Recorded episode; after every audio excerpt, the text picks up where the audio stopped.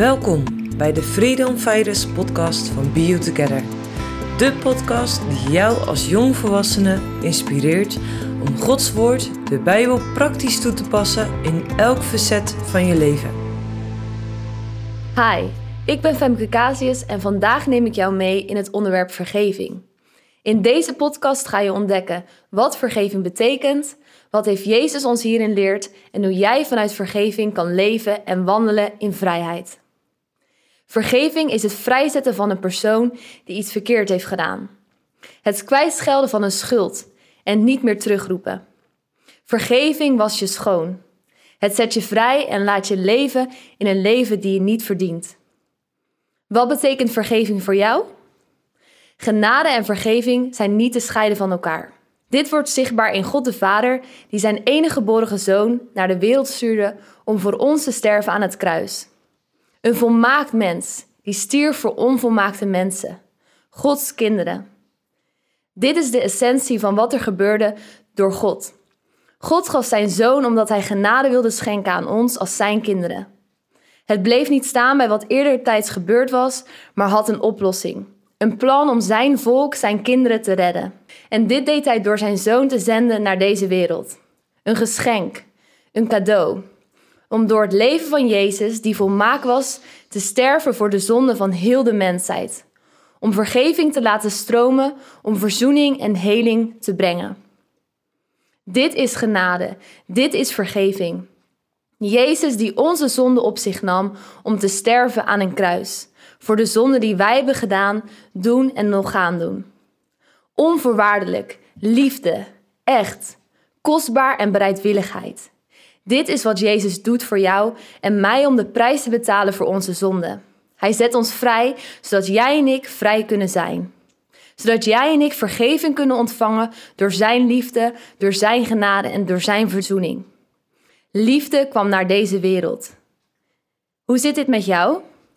Kan jij de vergeving en genade die God door zijn zoon Jezus heeft gegeven ontvangen? Vind jij het moeilijk om dit onvoorwaardelijke cadeau te ontvangen? Zie jij jouw falen en fouten door de lens van presteren of door een lens van liefde en genade?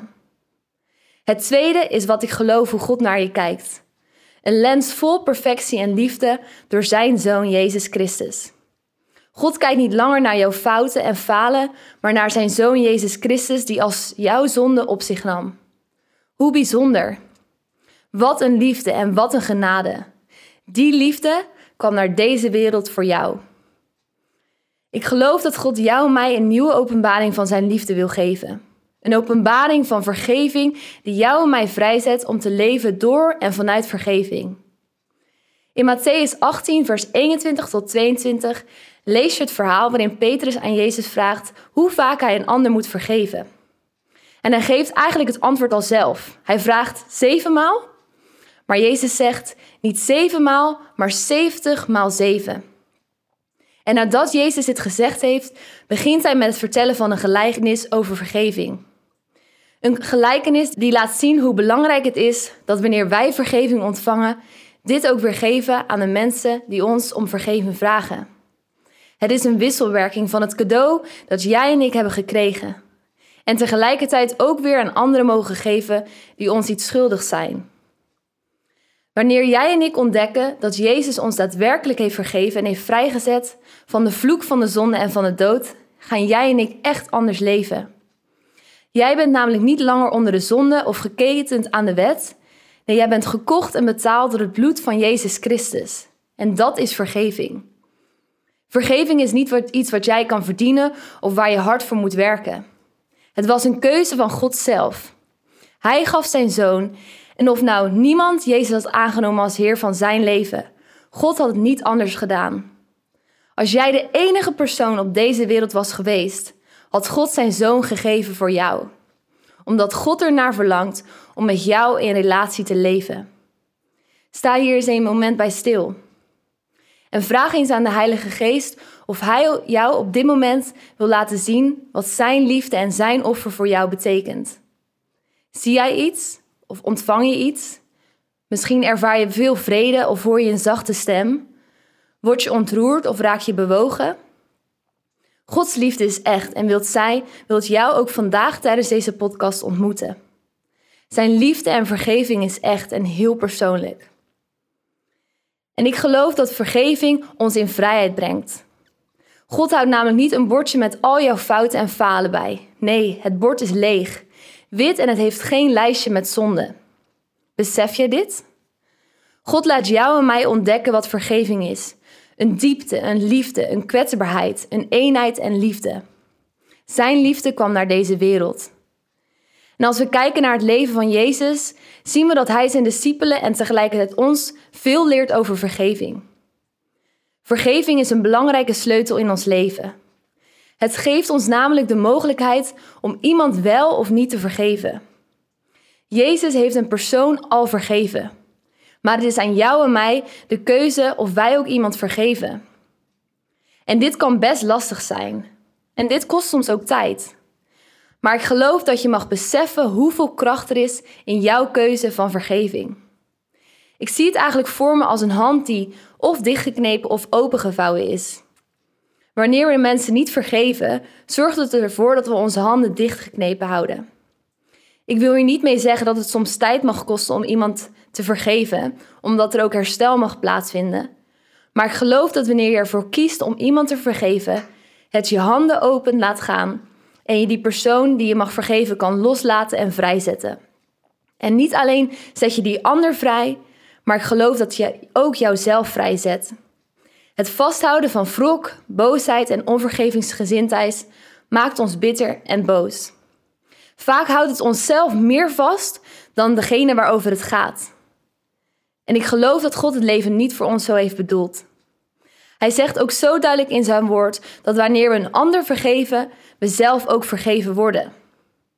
Kijk maar in Matthäus 6, vers 12. Daarin staat: Vergeef ons onze schulden, gelijk ook wij vergeven wie ons iets schuldig was. Vergeving is een sleutel. Het geeft ons niet alleen de mogelijkheid om zelf vergeving te ontvangen, maar ook om anderen te vergeven. En als we iets verder lezen in Matthäus 6, vers 14, staat er: Want als jullie anderen hun misstappen vergeven, zal jullie hemelse Vader ook jullie vergeven. Maar als je niet anderen vergeeft, zal jullie Vader jullie misstappen evenmin niet vergeven. Wow, dit voelt misschien best pijnlijk. Misschien denk je: ja, maar hoe kan ik nou die persoon vergeven? Het is niet zo eerlijk wat die persoon me heeft aangedaan. Klopt, met ons menselijk verstand is het denk ik ook, niet, ook heel moeilijk te bevatten.